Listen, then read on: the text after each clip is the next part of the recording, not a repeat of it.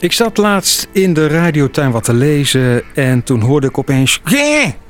Nou ja, zo'n soort geluid dan. Dat werd gemaakt door een nogal kleurige vogel.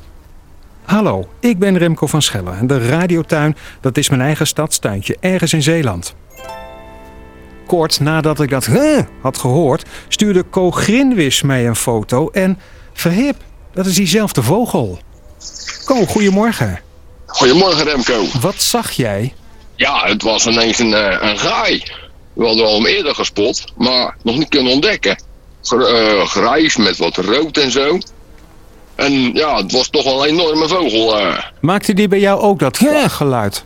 Ja, die was aardig heel veel kabaal aan het maken. En waar je al de pinda's en de magnolia aan het hangen. Nou, je kon hem echt voor de pikken en tekeer gaan aan die pinda's. Ja, en we hebben hem nog nooit gezien in de tuin. Ja goed, nu zitten bij ons vaak vre- vreemde vogels, waaronder ik zelf ook. Dus zat hij weer op de tegels, ook zijn restjes op te eten. En vrij bijzonder moet ik zeggen.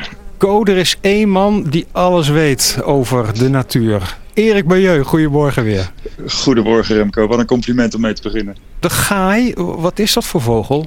Best wel een grote vogel ook. Hè? Van origine eigenlijk best wel een beetje een bosvogel. Het is best wel een schuwe vogel die ineens toch op een of andere manier eh, zijn overboord gezet heeft en onze tuinen aan het bezoeken is. Hm. Nou, die, die schuwheid die, eh, eh, beginnen ze een beetje af te leren. Dus het is eigenlijk niet alleen maar een bosvogel nu. Maar je zou bijna kunnen zeggen eigenlijk wel een stadsvogel. Maar vroeger noemden we die toch de Vlaamse gaai? Ja, dat is tegenwoordig blijkbaar niet meer toegestaan. Want mensen zeggen, ja, maar hij, hij komt helemaal niet uit Vlaanderen. Maar toen dacht ik ook van, ja, hoe, hoe zit dat nou eigenlijk echt? En toen kwam ik ineens eh, precies ook wat Co weer zegt. Het is best wel een opvallend dier. En waar blijkt die naam nou vandaan te komen? Ze noemden hem vroeger, in het Frans noemen ze hem de, de Guy Flamand.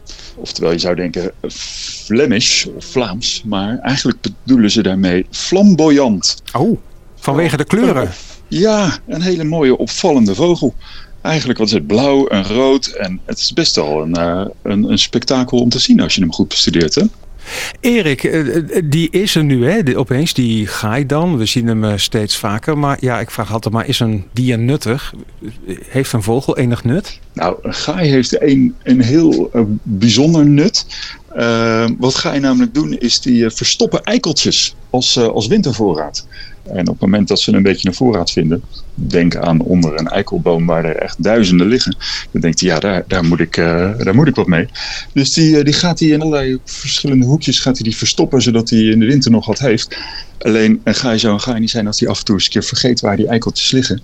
Dus eigenlijk zorgt hij voor het verspreiden van een eikenbos. Oh ja. Stiekem. Nou, dat is handig.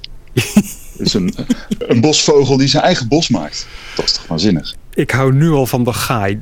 Geen Vlaamse gaai, maar een flamboyante gaai. Daar komt de naam uiteindelijk vandaan dus. Erik, dankjewel. Ik zie jou volgende week weer in de radiotuin. Hartstikke leuk. Co, ook bedankt. Ja, graag gedaan. Blijf genieten van de natuur, Co. Ja, dat doe ik zeker. Als jij nou ook iets ziet in je tuin en je denkt, hé, wat is dat? Stuur even een foto, kijk op radiotuin.nl, vind je alle informatie. Daar vind je trouwens ook alle babbels met Erik over die natuur vlakbij. Deel deze podcast vooral, hartelijk dank daarvoor en heel graag tot volgende keer.